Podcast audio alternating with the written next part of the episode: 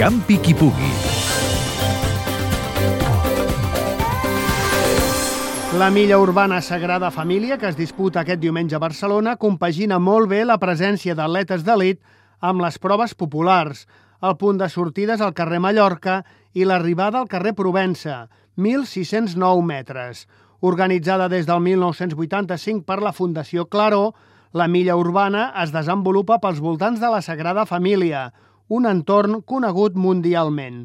Núria Borràs, directora de cursa, explica els canvis de recorregut que hi ha enguany. Respecte a l'any passat sí que varia, perquè l'any passat eh, el recorregut, el recorregut va estar afectat per les obres de l'AVE, aquest any ja tota aquella zona ja, ja no està afectada i per tant doncs, recuperem el recorregut de fa dos anys, que era la volta a la illa Gaudí, o sigui, Mallorca, Sicília, Provença, Nàpols. 2.000 atletes participaran en les diferents curses des de la primera a dos quarts de deu del matí per amateurs a la professional, batejada com Trofeu Internacional Ciutat de Barcelona i prevista per les 12. Bueno, que ara estem tancant ja la llista d'atletes també de, de professionals i la veritat és que, bueno, de moment amb nois la cosa pinta força bé perquè ja tenim assegurat el, Manuel Olmedo, el Juan Carlos Higuero, l'Arturo Casado, i amb noies de moment la Natàlia Rodríguez també ja, ja ha confirmat que vindrà i bueno, estem acabant de perfilar les llistes d'atletes, però bueno, sembla que tindrem dues sèries bastant xules.